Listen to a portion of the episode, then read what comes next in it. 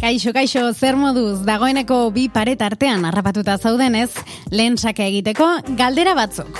Zein motatako harremana duzu gai etzarela pentsatzen duten horiekin, zugan sinisten ez dutenekin, gutxiago zarela uste dutenekin. Eta bestetik, zein dira gehien kontsumitzen dituzun albisteak. Interesatzen zaizkizulako edo aukeratu gabe iritsi egiten zaizkizulako izaten da hori eta zein arlotan sailkatuko zenituzke politikan, nazioartean, kulturan, kiroletan, gizartean.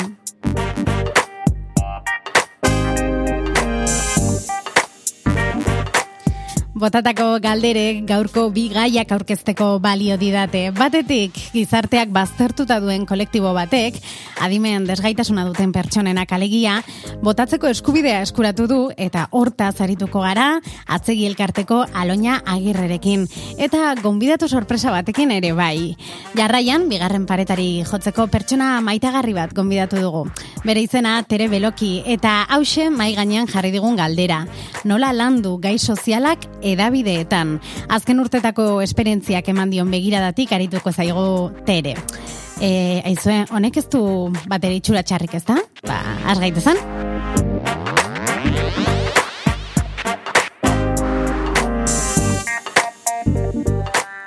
Datozen hauteskundeetan lehen aldiz botatu izango dute askok eta askok gurean bintzat esango dugu orain dela sufragioa unibertsala. Orain arte paile batek erabakitzen baitzuen, adimen desgaitasuna zuen pertsona batek botatzeko gaitasuna zuen ala ez. Hortaz, batzuk eskuratu zuten boto eskubidea, baina beste askok ez, eta hori da albistea. Hemendik aurrera, salbu espenik gabe denek izango dutela botatzeko aukera. Espainiako kongresuan, hau batez hartu zen erabakia 2000 eta emezortziko urrian. Adimen desgaitasuna duten pertsonen, edo orokorrean, inklusioaren alde lan egiten duten elkarteek, hori lortzeko borrokan denbora asko eman ondoren. Frantzian bestalde, 2000 eta hogeiko udalauteskundeak ospatu arte, lege berria ez da indarrean egongo, ala eta guztiz ere, lehenago edo beranduago, Euskal Herrian adimen ez gaitasuna duten pertsona guztiek izango dute, boto eskubidea bermatuta aurrerantzean. Atzegi, adimen urriko pertsonen aldeko gipuzkoako elkartea da, eta bertako kide da Aloña Agirre gizarte langilea. Aloña, ongi etorri. Eskerrik asko. Eta zuzeutik, bainat, jatxemarek. Aixo, unon. Bueno, maia bete dugu, e, az gaitezen aloina konta iguzu, denbora asko eman duzue, norbanako zein elkartek aldaketa hau lortu nahian, e, nola hartu dute albistea ingurukoek, nola hartu duzue? Bueno, albistea poza hundiz, egia esan harritu ingintun, eta bueno, poza hundia izan da guretzat, e, bueno, urte, urte askotan zehar, pertsona asko egon dia, bozkatzeko eskubidea galdu dutenak, Eta orain errekuperatzea guretzat oso importante da, behientzat oso importante da azken finean dalako beste edozein herritar bezala izatea, bai, eta eskubida dute erabakitzeko baitaren nor kartuko ditun gure izenean erabakiak. Eta hori da, ze gizartearen honek ze suposatzen du, ze pauso da. Horren, nik uste, adimendez gaitasuna duten pertsonentzat dela izatea, e, bueno, herritarri izateak duen eskubide importantetako bat errekonozitzea. Bai? Ba, bozkatzeko eskubidea dut, beste donor bezala, eta, bueno, ba, dibidez, igande honetan, bozkatzea jungo naiz, beste dana bezala. Uste oso importante izan dela. Eta bat zeuden famili batzuk, gurekin kontaktuan jarrita, e, saiatu nahian, e, bueno, ba, abokatu bitartez eta errekuperatzen eskubide hori. Eta guain, bueno, ba, dekretonen bitartez, azkenan guztiek errekuperatu dute. Uhum. Ze, dudan jartzen dena, erabaki honekin da, e, kolektibo honetako pertsonek modu autonomoan e, erabakitzeko duten gaitasuna. Baina, gero, e, guk erreparatzen badiago ez dakite, gure albokoaren botua noiztik jartzen dugu zalantzan, ez? Potxe, urtetan politika jarraitu ez duen norbaitena, uhum. adineko pertsona batena, e, gaztetxoena, gaztetxoena, ez dugu bai, bai, bai. Bai, inor, inorren eskubide zu eh, kuestionatzen. Baina bai adimendez gaitasuna dutenena. Askotan beraiei gehiago exigitzen diegu orokorrean beste biztanleriari baina. Bai, hor, ez dakite legea, e, legea onartu danen, e, langan bat edo ezarri dan, e, ez dakite adimendez gaitasun horrei jarri zaion puntun bat edo parte hartzeko edo ez, e, autoskundetan? Egin dute orokorrean, bere garaien juezakala esan da eskubida galdu duten guztiek errekuperatu dute. Uh eskubidea guztie dute, gero bakoitzak ikusiko du, bozkatza jongo dan ala ez, hori ja bakoitzan erabaki gelditzen da. Hala ere, egia da legeak baduela, ez dakit, baina bat edo, e, maiko kideren batek uste badu, botatzen ari den pertsona bat ez dela kontzienteki botatzen ari, e, aktan jaso dezake hori, eta gero e, pertsona, pertsona horrek eman duen botoa aztertu egingo da. Ez? Hori da, e, PP Bai. azken orduan lege reforma onartu aurretik gehitu zuen zuzenketa, ez? Mhm, bai.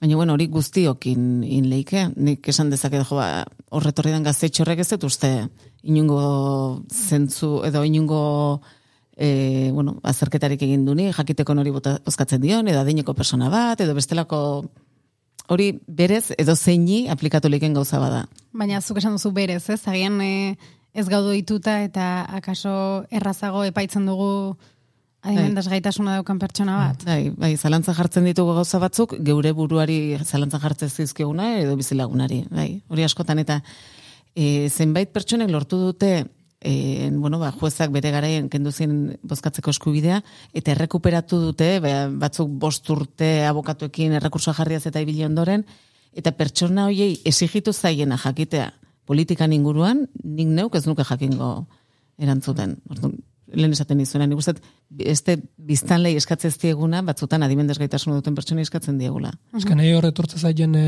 irudie bada ez e, ba igual e, her- herri batzutan ematen dana ba ikustean nola jende bat aidan ez za- zaharrak ez jende heldu bat ekartzen e, bueno ba incluso e, zentrotan edo da ona ingresatuta ta esaz go ba ez dakit pertsona hau e, da hone bere kapazidade horretan e, jakiteko zeini bozkatu edo edo ekarri duten ja papeleta emanda ez, da kasu horiek oso normalizatuta dare, baina gero hori da beste batzuk e, zalantzan jartzen ditugu. Bai, batzuk lupakin behitzen ditugu eta beste batzuk ez. Eta gero bakoitzak bere arrazoia dauzka bozkatzeko, nire amonak garaiko txei bozkatze zion oso guapo zalako. Ba, bueno. Ez egia da. Eta hori da, edo tradizioz familiak beti alakoi bozkatu dio, eta bueno, lako bajina bat egiten ditugu. Mhm. Ze guk adibidez mai honetan, ze desgaitasun ditugu. e, ez dakit, bozka, bota, botoa emateari begira edo orokorrean, ez? Mm -hmm. e, ditu gain erraz esaten. E, nik adibidez onar dezaket, e, ekonomiako datu asko eta hitzaldi asko eta testu asko ez ditu dela ulertzen. Mhm. Edo, Venga, baina bai. zure txanda. Hori da. ba, nik, nik onartzen dut, e, no, normalen ez ditutela e, alderdin proposamen guzti goiti bere irakurtzen ez ditutela osnartzen hori da. Nei iritsi zaizkiten danak bozoira, basura bota ditut. Egia da, nik uste lehen esaten izuena, eh? Berai eskatzen diego askoz ez gehiago, geuk askotan egiten deuna baino. Beste kontu bada, oain eskubidea errekonozitu zaio. Oain inber dauna da, irisgarritasuna lortu, pertsona horiek bozkatzen dutenean, informazioa irisgarri izan dezaten eta ulertu dezaten zer egiten nahi dian. Hori, Eh, bai. bozkatza joten diaren igandean jakin dezatela ze kolatan jarri berdian, e, boto hartzerakoan ere argiago gelditu deiela bakoitza zeinena dan, Eta ez bakarrik adibendez gaitasuna duten pertsonentzat, adineko jendearentzat, lehengo aldiz bozkatzen duenarentzat, eta barreta hor nik uste, hor irisgar, irisgarritasun mailan lanpilo bat inber dala. Unibertsala izan behar dela hori ere. da, eta danontzat hobeago izango dala. Irisgarritasuna danontza da hobea. Hori da. Eta- Eta hortarako egin dira simulazioak, e, txarla informatiboak, eta horrelakoak, eta adibidez, e, aurten eskatzen da irisgarritasuna e, ez dakit bermatzea, inoiz baino gehiago edo, esango nuke, eta baita irakurketa erraza propagandetan. Mm Konta eguz. Bai, zenbait, e, zenbait partido politiko hasi omen dira. Hori da, haien programa irakurketa ez dute egin, eh? baina batzuk bai. Konta eguzu zer den, zer den hori. Azkenean da, e, testu komplikatuak jarri beharrean, modu sinplego baten, e, esaldiak egitea, ba, guztiok hobeto Estruktura ulertzeko. ere, ez da? E, Bai. argiagoa. Bai, e, bai. Bueno, formakuntza jasotzen da, eh? edo, En, formakuntza badago, irakurketa errazean, testuak idazteko, eta bar, baina azkenean da, irisgarri egitea testu hori, eta modu sinpleago batean, gauza funtsezkoenak en, isladatzea. Bai, hori dan hori ondo etorriko litzaiguke. Dudei gabe, eh? Dudei gabe. Bai, ni, e, kontu honen e, ingurun burua etorri zaiten beste, beste eremu bat litzeke e, narriadura kognitiboa daukan jendearena, ez? Badibez, e, dementzia kasuk, alzheimerrak, e, alako gaixotasun zehatzak. Ez dakit, e, bueno, ba, perfil, perfil horretako jendekin, e, orain arte planteatu dan, edo, edo boto eskubidea kasu hauetan nola aplikatzen dan. Horrere, adineko pertsona batek dementziren bat baldin badauka eta eta modifikazio egiten bazaio, gaitasunaren modifikazioa hor jueza baloratu beharko du baita ere, zenbateraino bozkatu dezaken edo ez. Baina ez daukezu derrigorrez epaile baten aurretik pasa beharrik Ez. hautestontzia zoazenen, Ah, ez da? ez, ez, ez, hori ja. Claro, bai. Ados. Aloina, ze, mm, ez dakite, ari gara mm, e, eskubide unibertsal batez izketan, e, akaso ez gara daukan garrantziaz jabetzen, ze garai batean ere emakumeek eman zuten lehen aldiz botoa, e, pertsona ez dakit beltzak ere eman zuten lehen aldiz botoa, eta, bueno, orain nau ezakit oinarrizko eskubide bat bermatzen ari gara, e, ze, baina ze, asko daukagu egiteko, ez? Ze, ez dakit, zer daukagu, zer lortu behar dugu, norberak zer egin behar du, e, begira da hori nola landu behar dugu. Nik uste, Er, eh, desikasi. bozkatzeari dagokionez, inberdala e, prozesu guztia erraztu. Simplifikatu gauzak, eta esatizut, e, eta guztiontzat izango da hobeto, eh? danok ulertuko dugu, eta askoz ez azkarrago, eta errezago ingo dugu. Ba, irisgita- irisgarritasun hori erreala egin. Eta bai informazio jasotzerako orduan, e, juten geanen eskoletara bozkatzea, ba, esatizuet, ba, sobrak eta argiko egon deien, noa junbergian, pausoak zein dian, guzti hori, askoz ez e, errezago esplikatu behar dugu eta ulertzeko moduan. Eskubide, barkatu, eskubide unibertsaletaz e, aigeanen, e, da eskubidea bozkatzeko eta eta bozkatua izateko. Zuri irudit zaizu e, urte asko falta direla adimen desgaitasuna daukan hautagaio bat ikusteko? bai, askoz. Bai. Ez dakit nazio arten badaun e, alako kasuik edo... Ez dakitegi esan. Mhm. Ez Eta zer irudituko litzaizuke? Bueno, nik uste, eh, a ber, nik uste eh, ondo dagola arlo desberdinetako pertsonak egotea behaien ikuspuntu eritzi eta eh, beharrak isladatzen juteko. Eta egila da, gero bakoitzagon behar dela, eh, erabakiak hartzeko daukan gaitasunan arabera, zera, postu horretan baita ere. Ba, oso ondo, igandean hemengo, hemen eserita gauden guztiok joango gara botatzera. Bai, ni bai. Bai, nire bai. Badauket asmoa. Oso ondo, ni ere bai, eh? E, ba, loina, mila, mila esker, e, lehen pareta honi jotzeagatik, lagundu diguzu eta kontuan hartuko ditugu esandakoak. Eskerrik asko bat zai. arte. Dale, aia.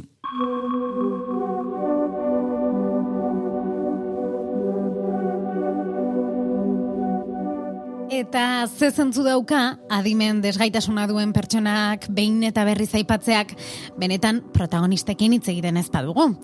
Enrique Amili biharretarako zaudezu hemen, kaixo zer moduz? Kaixo.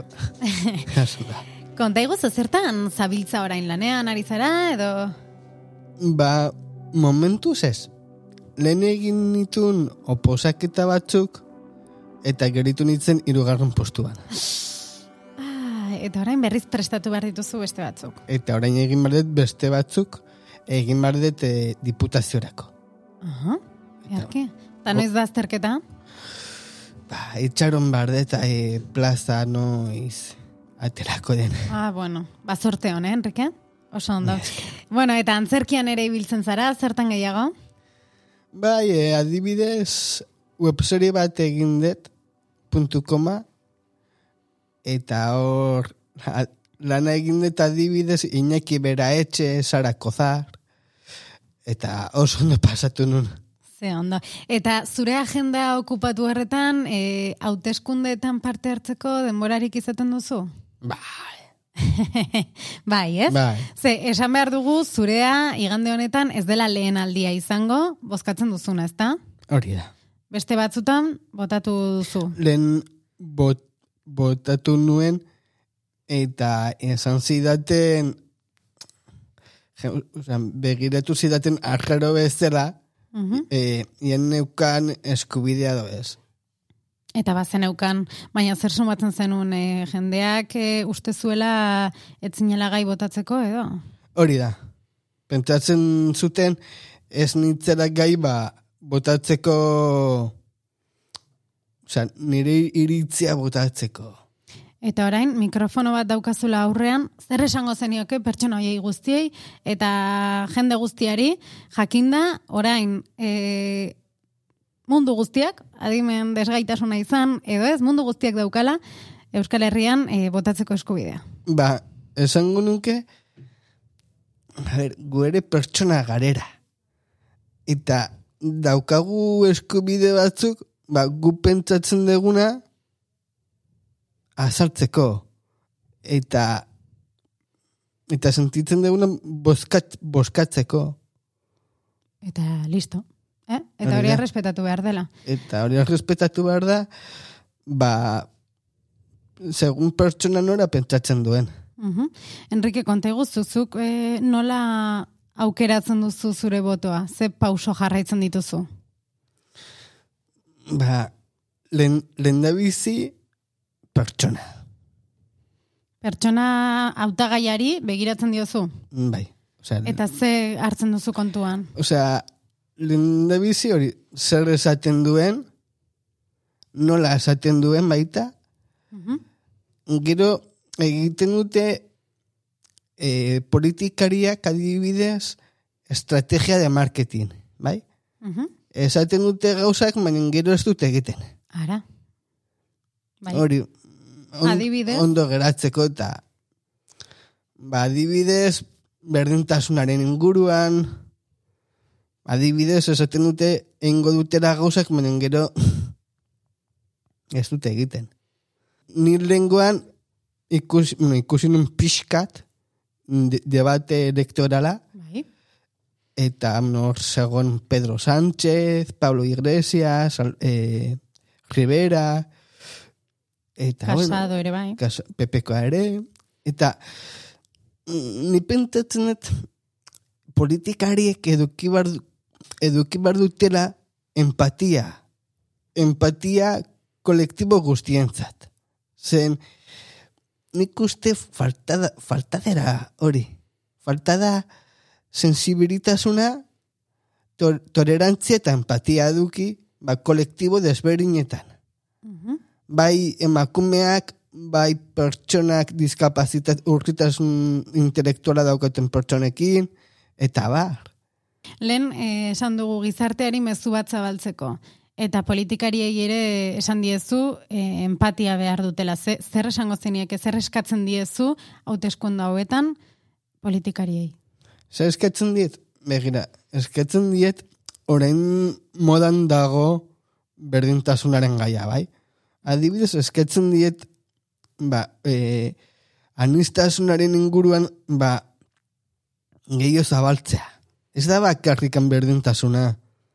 Osea, nun dago pertsonak adibidez urritasun daukaten pertsonak lan munduan zabaltzeko aukera. Edo, ez dakit, edo komunikabidetan aukera emateko ba, gure iritzia saltzeko. Mhm. Bai irratian, adibidez hemen, edo telebistan, eh, aukera agotea guk guk ere ba, edo zein bezala. Oso ondo, Enrique, beraz, esaten dutenetik pasa daitezela egitera. Hori da, Ezta? egitera. Oso ondo, ba, Enrique, bihotzez mila, mila, mila, mila esker, eta inork ez zala zalantzan jarri, inoren, Hori botua. Argi gera dadila, eh, Enrique? Hau pazu, hau pazu. Mi esker eta aparrat eta pasu zeu.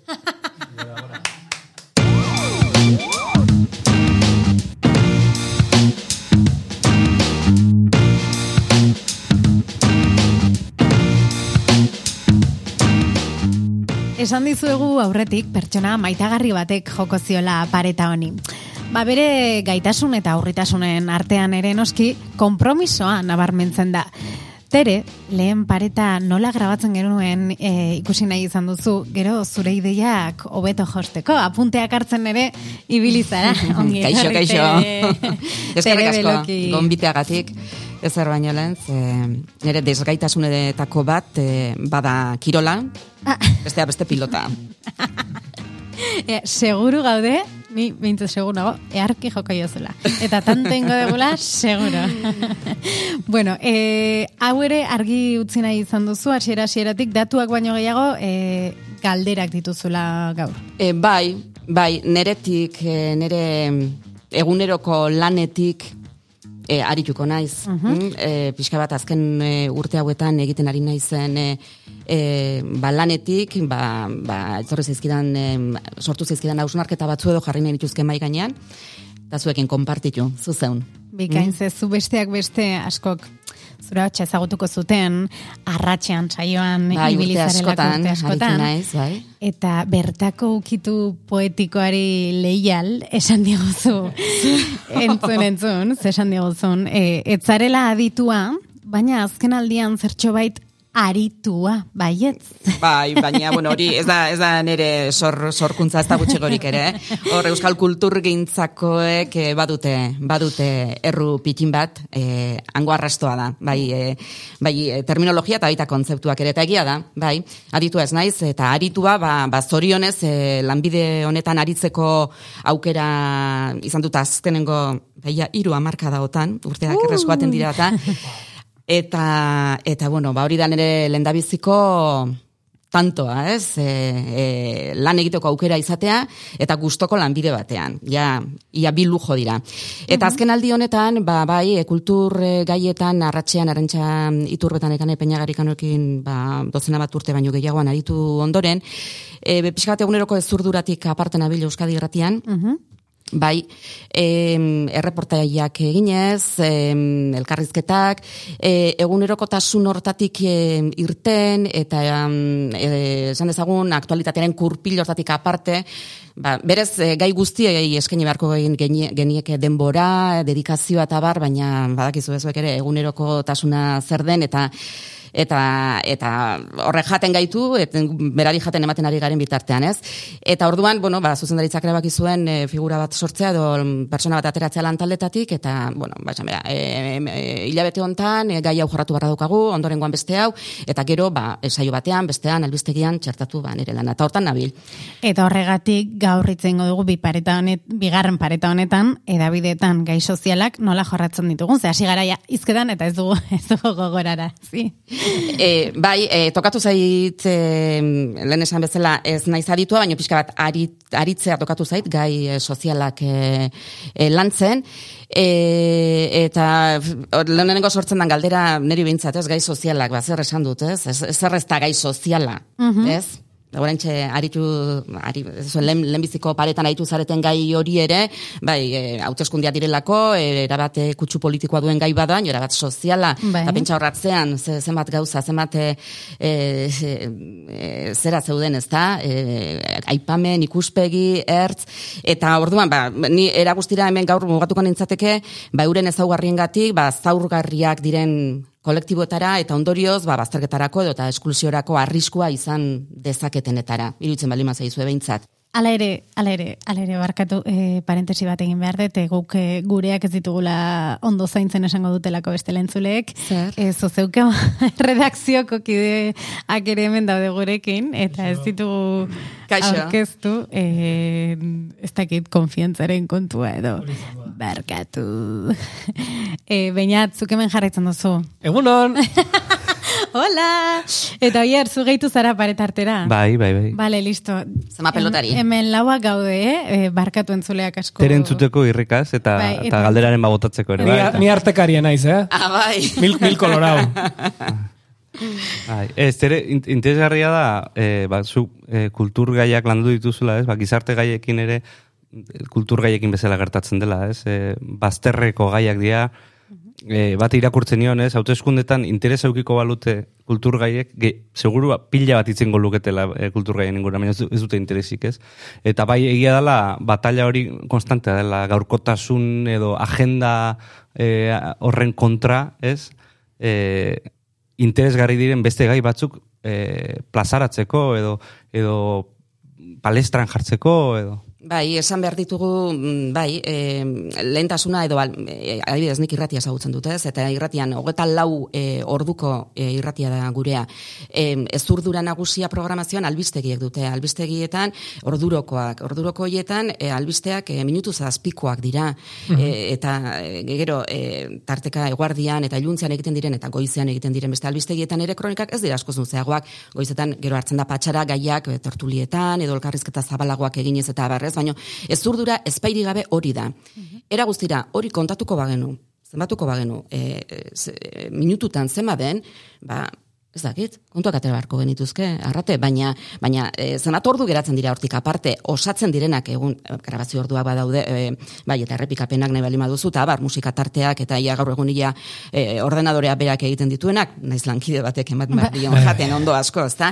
E, baina, ala ere, or, ordu asko daude, e, landu behar direnak, segundu, segundu, minutuz, minutu, hor sartzen dira beste guztiak. Eta nik uste du pixkat, gazetaritzaren ikuspegitik ere, e, ez dakit, e, geuk ere eman diogula lehentasun bat e, aktualitatea dida kontatu behar horri, eta adibidez gai sozialei dagokienen ere irutzen zait, e, beste esparru batzutan ere bai behar bada, baina egiten bieratako kazetaritza egiten dugula.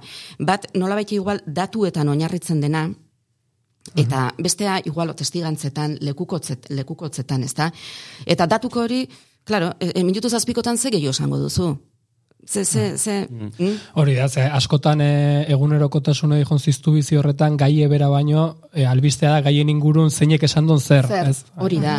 Eta datuak e, f- ematen ditugunean, e, edo kazetaritza tipo hortan, ba, import, nik uste energia asko joaten zaigula, e, e, ba, galdetzen, e, zema dira etorri diren errefusiatuak, e, zema dira e, adineko residenziatan dauden plazak, e, zema dira e, gureakeko lantegietan e, aurten sortuko diren lanpostua, zenbat, zenbat, zenbat, zenbat, zenbat hori esan, eta, eta bale, zenbaki horien atzean inorrez palego bezala. Mm Ez dut esaten gero, ze, e, e, lekukotza e, oiek e, jasotzerakoan lekukotza eman eta horretan geratu beharko genukenik ere ez.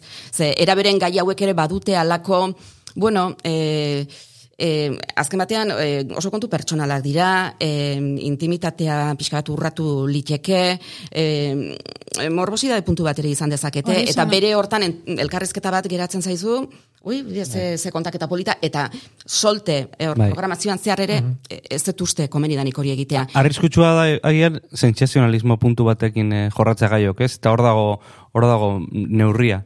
Baina esango nuke, eta galetu nahi nizun baita ere, e, ezotearen trepidantziak, bizkortasunak eta eta horri lotuta audientziak harrapatutako gaztearitza mota batean bizi. Esan nahi dut, ezotedan erabiltzen askotan audientzia itzaki bezala, bagian gai batzuk ez jorratzeko.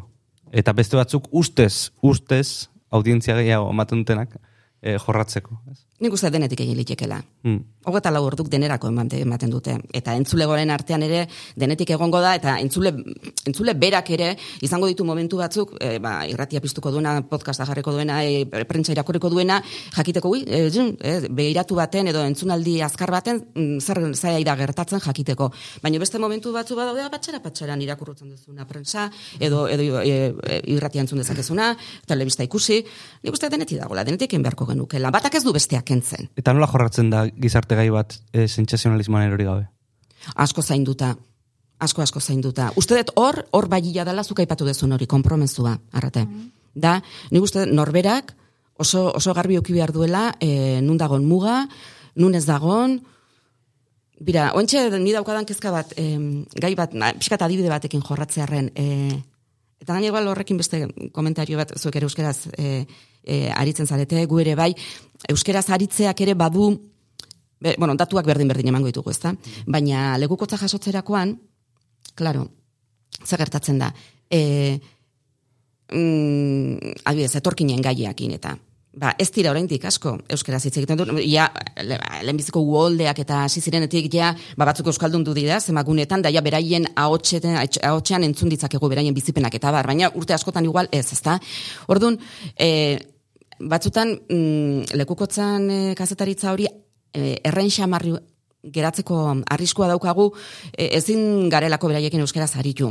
Eta orduan beti da, jo, ze argazki egiten ari gara, ez ondo aigea, ez gea. E, eta, e, baina era berean, e, beste batzutan, e, euskeraz ari denean, e, ba, nola ere, esperoz dezun persona bat, e, ba, ez dakit, ba, bere egoera zaurgarri hortan ikusten duzute eruditzen zaizu, ba, hori, hori guri zaigu gertatzen, hori eh, nondik etorretako ote da, edo zer gertatu ote zaio, zer egin ote du, ez? Eta asko ez dela gertatu zitzaidan, eta ez dakit, eh, kontatuko izuet, iruditzen zaidalako pixkat, eh, bueno, adierazten duela mm, gerta, gerta litekena. Kafe bat hartzen ari nintzen, hola lasai lasai, eta eh, arrimatu zen eh, neska gazte bat, eh, paperezko mugizapiak eskaintzen, Eta ni justu, justu, periodikoti burua altxata, ez eskarrik asko esan nion.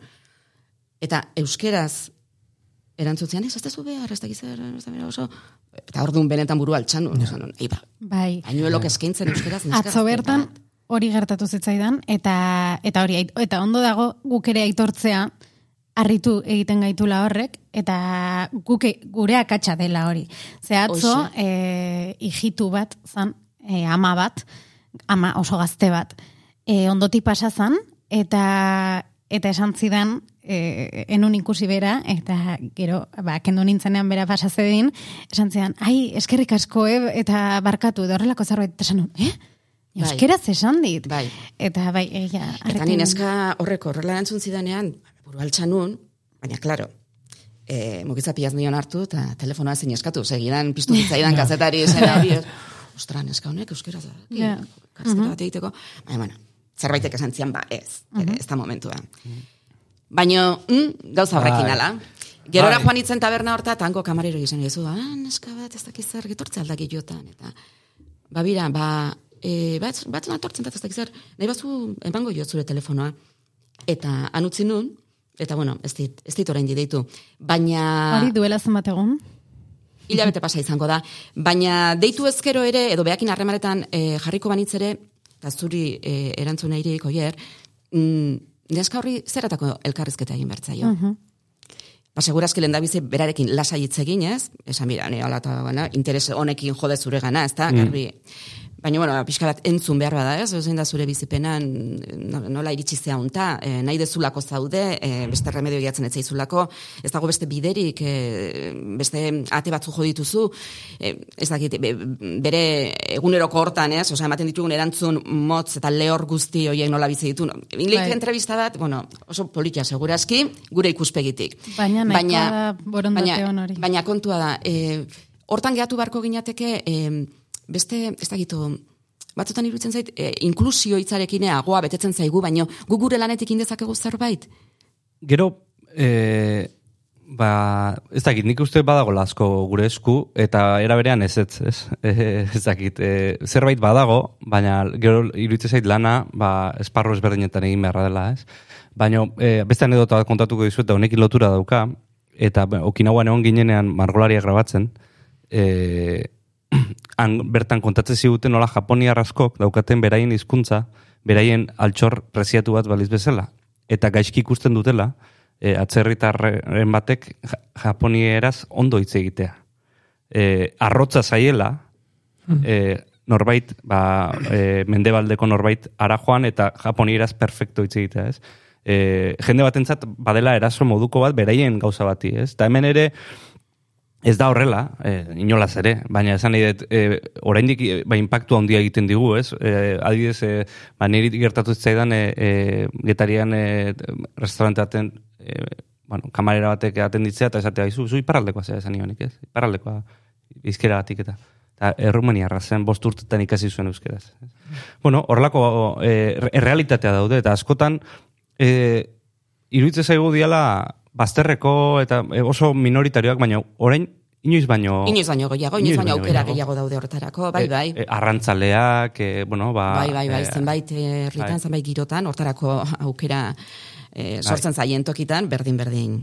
Bai. Eh, Eta egian ere, e, iruditzen zait, egiten dugun kazetaritza oraindik dela perfil jakin bati zuzendutakoa. Eta lehen paretan ere aritu gara irisgarritasunaz, eta bar, eta bar, e, uste duzue gizarte gai, edo ez gizarte gai, e, gure Davidetan irisgarriak direla albisteak? Hau da, adin guztietarako ari garala, ari garela idazten edo hitz egiten, e, ez dakit baldintza guztietarako, Ez da erresa, ez da erresa hori, hori, hori neurtzea, ez da. E, guk azken batean e, infor, era hartako informazioa baita ere oso datuetan jasotzen dugu. E, alaiako entzulego baduzue eta eta emaitza hauek e, izan dira oraingoa neurketa honetan. Eta zer esaten nahi duzu, nik urte mordoska bada mazkitila hontan lanean eta eta gutxitan egin dugu ariketa zuzendaritzan akaso egingo dute, baina ez da gure ganaino iristen.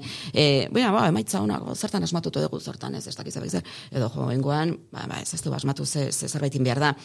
Baina era beren, mm, nik uste talare gu e, lantaldeetan eta oreka bat e, mantentzen edo saiatzen garela, ez? E, pixka bat, o bai gaiei dagokienean, e, bai, zuk esan duzuna, noren gana iritsi ote liteken, noren gana ez, e, Alde hortatik, eh, ne- nire, nire partetik zorion du nahi zaituztet Euskadi Irratian. Zan nahi dut, eh, eh, podcastak sortzeko er, erreferentzietako bat Euskadi Irratia izan da. ah, bai? Bai, e, hasieratik gainera gure analizian hori zen. E, Euskaraz ze edabide da, e, edo ze fo- formatu da e, homologagarriena gaztelerazkora, ez? Da, guk irratik ikusten genuen, Euskadi irratia dela, audientzia mailan, e, mm, gaietan, e, adintarte ezberdinetan, e, ba, bueno, ho- homologagarriena espainierazko eda, edabidetara, ez? Ba, telebistarekin agian ez, dela, ez da hori gertatzen, ez? Eta nik esango nuke, ba, e, irratian ez bezala, ba, telebistan adibidez, badagola arrakala bat, ez? Ba, aurre, aurra zarenean, marrazki dizunak, e, euskaraz ikuste dituzu, baina gero adintarte askorentzat ez dago, ez dago zer, e, zer ikusi, zer konsumitu. Irratian ez da hori gertatzen, zorionez, ez? Eta, eta bueno, nik esango nuke, bueno, ba, badudela adintarte ezberdinak identifikagarria direna, baina gero datuak da, direnak dira, eta nik ez dakit datu horiek e, fidagarriak ote diren, ala ez. Ez? Nola neurtzen den audientzia, nola neurtzen diren e, e, ba, bueno, e, badatu horiek, nola dakizu zure adintartea dala e, berroita marretik gorakoa, ez? Ze, Bai, datu, bai. ze informaziorekin egin duzu, e, ez dakit. Eta gero ere esan martzen nuen zerbait. Ez, Ere. ez, e, lehenko gaiari segituz behar bada. mm, Gehituko baina- nuen, e, iristen zaizkigun, ez dakite, iturriak ere, albiste agentzietakoak ere bai, e, ez dakit, oiek ere abia, api, abia puntua badira, oso mugatuta gaudela, ere. Bai, baina hor begira, ez dut uste gaina gai sozialetan bakarrik gertatzen denik uste dut, e, oso mm, geure aulkian, e, aulkitik mugitu gabeko kazetaritza egiten ari garela azken aldi honetan. Bai. Aukera daukagulako horretarako. E, mundua daukagu eskuetan, pantailan. Eta zer esaten nahi duzu? Mugatzen gara Iru- Bai, eta orduan ikuste dut gehienok oso gauzantzekoak egiten ari garela. Eta, eta ba, ba kalera atera behar gara, kalera atera behar gara, eta, eta e, eta galdetu eta ikusi eta em, gai sozialetan aipatu nahi nizuen gauza bat da e, irutzen zait em, bueno, gure bezalako edabide baten eduki beharko lukela behintzat tokia e, albeste ez izanagatik ere ba, kolektibo baten gara joan, eta e, e, reportaje bat egiteko e, aukerak edo jarrerak. Beste gabe ezagutzearren. Nahi badezu izan liteke igual em, e, reportaje didaktiko xamar, ba, pedagogikoa, baina adibidez, e, lehen nola egon diran e, hitz egiten e, aloinata, ez da? Bai. Ba, ba kaso, ba, gureak ajun izan bagina oain dela urte batzuk, ba, denok jakingo genuen e, botoa e, emateko eskubidea e, kendu egin zitzaiela, eta orain e, berreskuratu egin dute, eta, ah, osea, Oain enteratu gera, eh, kongresuti bueltan etorri danean, berreskuratu egin dutela. Ba, behar bada, eta besterik gabe, joan da, bueno, zuen egunerokatasuna, no? zeintzu dia zuen kezka, zer egiten duzu ezerrez, horrela.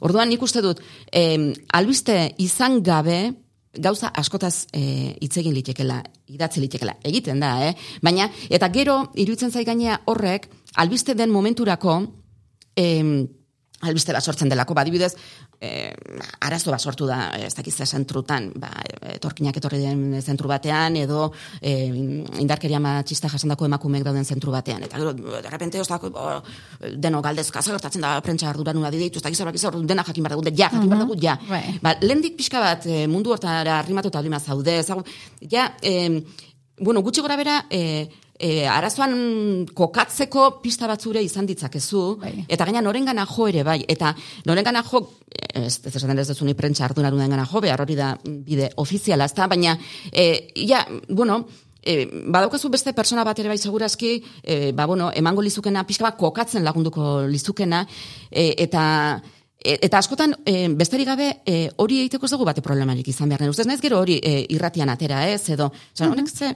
ze, no, nola kokatuko zenuke, hau, ze gertatzen da hemen, Hori da benetako berez kazetaritza zer samartzen hon oier. Ez, e, gero egia dela hori, eta egia dela, e, ados nago, e, zeharo, ba, etxetik, e, ordenagaiutik lan- lanean, ez? Eta gero, baita ere, ba, badago olako e, korronte bat edo olako jario erabateko bat, eta jari horrei aurkaitea ez dela bat erresa, ez? Esan nahi dute nor markatzen du zer dan hitz egin beharreko gaia, ez? Eta hori beti izan da horrela, baina orain are gehiago etxetik ari garenako, ez?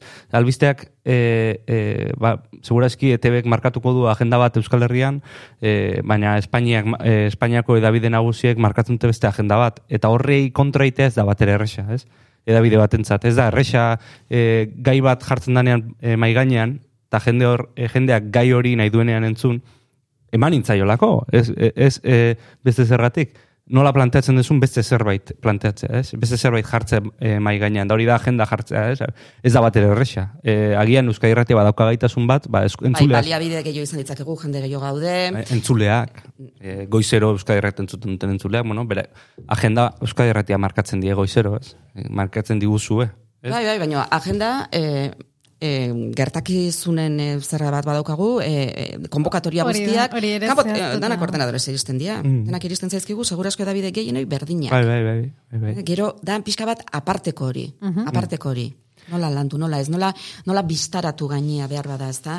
Hoi, beste kontu bat gai sozialetan ni konturatzen naiz, E, badagoalako e, oso babestutako kolektiboa dira e, sistemak babesten ditunak erakundek eta normala dan bezala.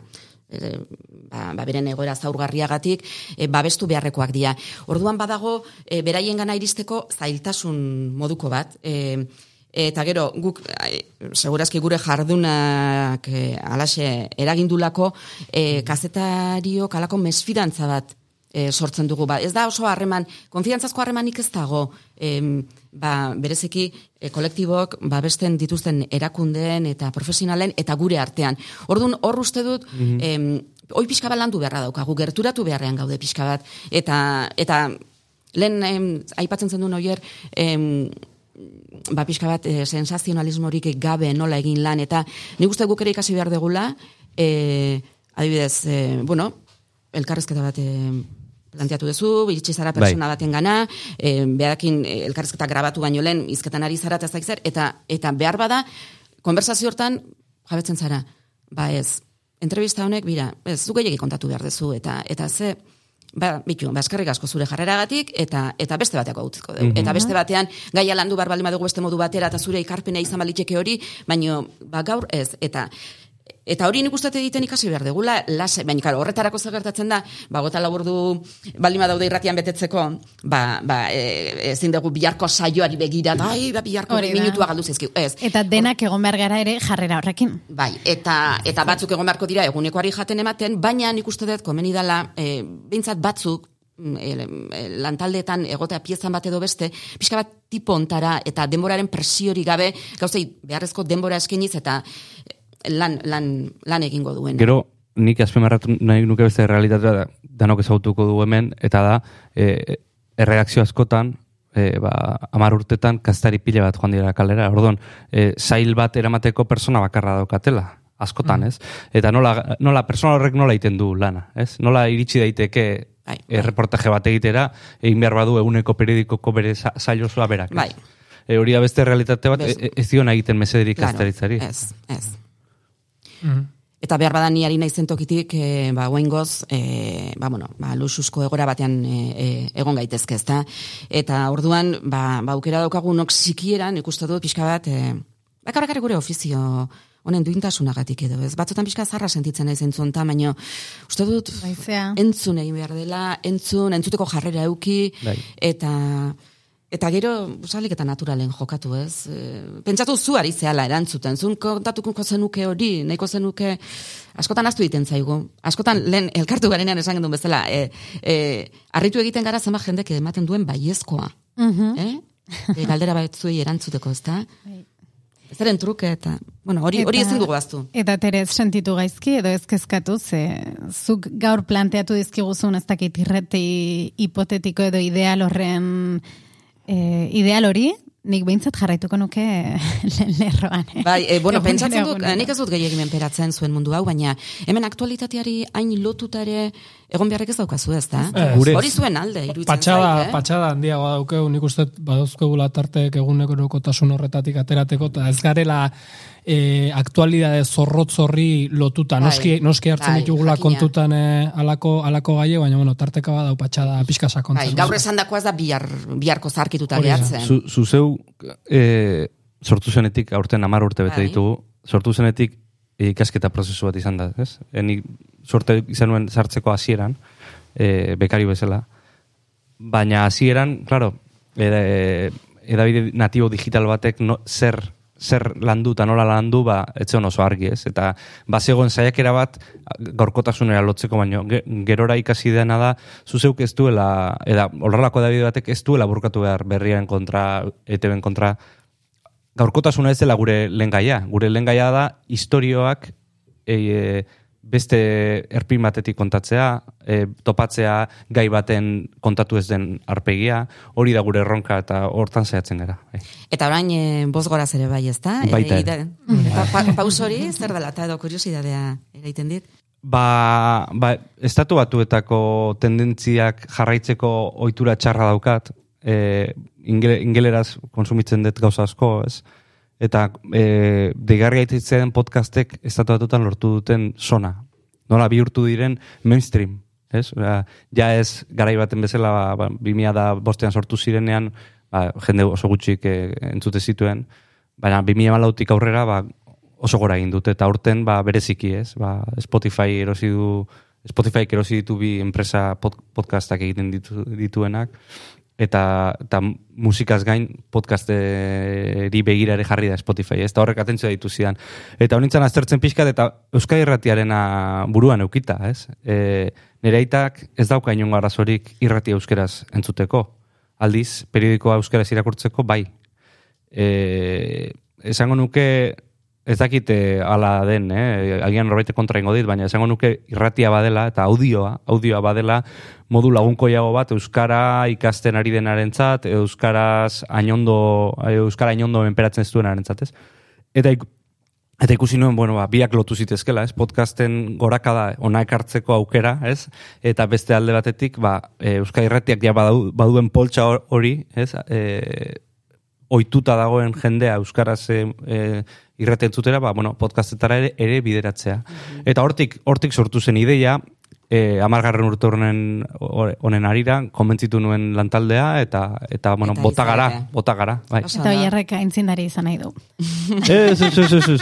Ez gera intzindaria, gainera, eh? E, podcastak.eus Bai, egin dira bai. lehenagotik eh, sortua zegoen, tropelako jendeak sortua, hauek ere, bueno, hau bai direla aintzindariak eh, eh, bueno, a- alor askotan, ez, eh, eh, mm, sarean, Eta ez, guk egin duguna da, bueno, ba, kazetaritza egiteko beste bide bat Bai. topatu, e, garai honek e, ematen duen abantaiekin, ez? Ez bakarrik egia da olatu bat dagoela estatu batutan, ona, ez dakigu nahi iritsiko gure asmoa da bai, ez?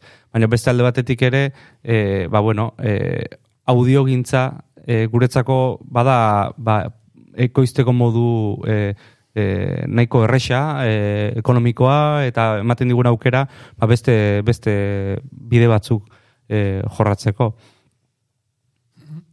Bai, eta entzutean ikusten du denontzat oso harik eta sanoa dela, ez da? Eta ere zuk ere asko maite Bai, duzu audio. bai. Irratigintza. Beste zerbait esan Irratigintza. behar nuen, baina astu intzait. Ez gu pixka bat eh, irratian em, lankarga bezala bizi dugulako mm, e, e, sortzen dugun hori guztia sareratu behar izaten da, badago hortarako lantalde bat, ez da, iten, da bat eta beste, baina eh, ez daukagu oso, e, oaindikan, e, gaina, bizi dugu pixka bat, bueno, neretik ari naiz, eh, ezin dut igual orokortu, baina, ba, irratia, mm, ba, garai onenak izandako edabide bezala, ez da, eta lehen, ba, zuen, bapateko tasun hori, ia ez da irratiarena bakarrik, eta orduan irratiak ere baditu bere lanak, eh, ba, bueno, edabideen eh, plataforma berri hauen artean bere tokia egiten, ez da?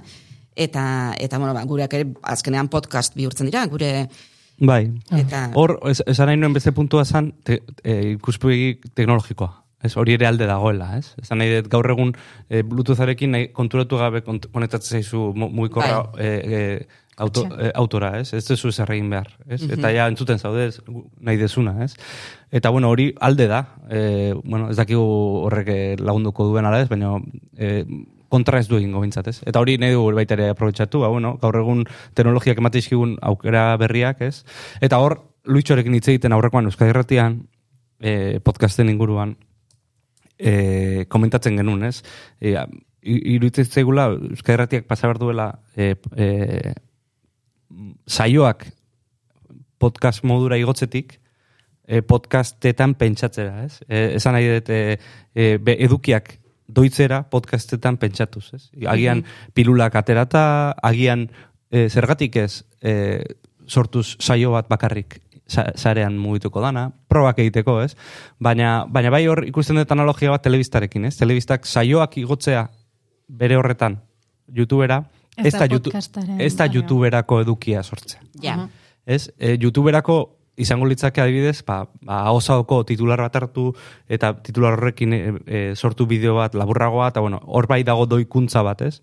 Edo izango litzake baita ere programa bat sortzea espreski YouTuberako, ez?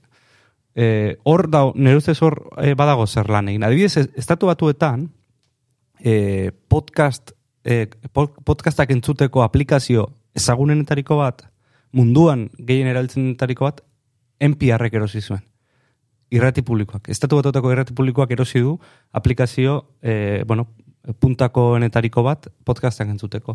Eta horre ere, behaiek apustu egin dute, eta lehenengo, ba, lehenengo e, eunetan, e, s- e, ba, saioen e, entzunenetan, e, da- ba, daude ba, amar, amarka e, irrati publikoak egiten dituenak.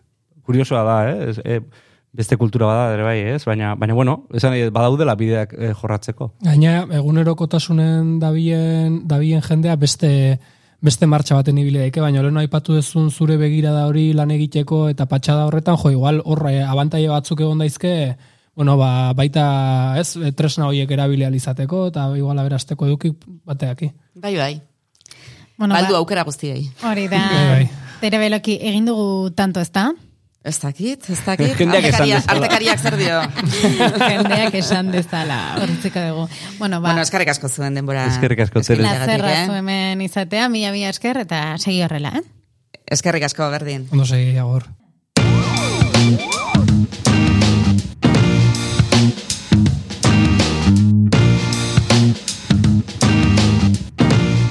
Ba, hau izan da guztia, oraingoan etxerako lana jarriko dizuegu. Aztertu zuen inguruan, irisgarria ote den, zabaldu begira da zuen bizitzako txoko guztietara, egokituta aldago baldintza guztietara, eta ea zein den emaitza. Eta beste gauza bat, atera noizbenka azkartasunaren zurrumbilotik eta eskaini denbora patxada zirakurri entzun edo nahi duzuna egiteko. Besarka da estu-estu bat eta datorren ostiraler arte.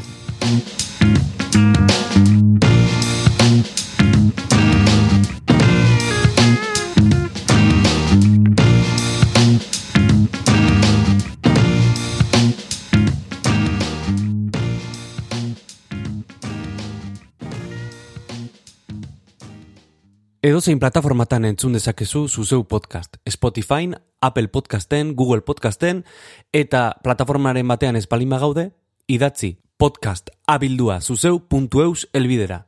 Hori da podcast abildua. Eta segidan igoko dugu plataforma horretara ere gure edukia. Eskerrik asko eta hurren arte.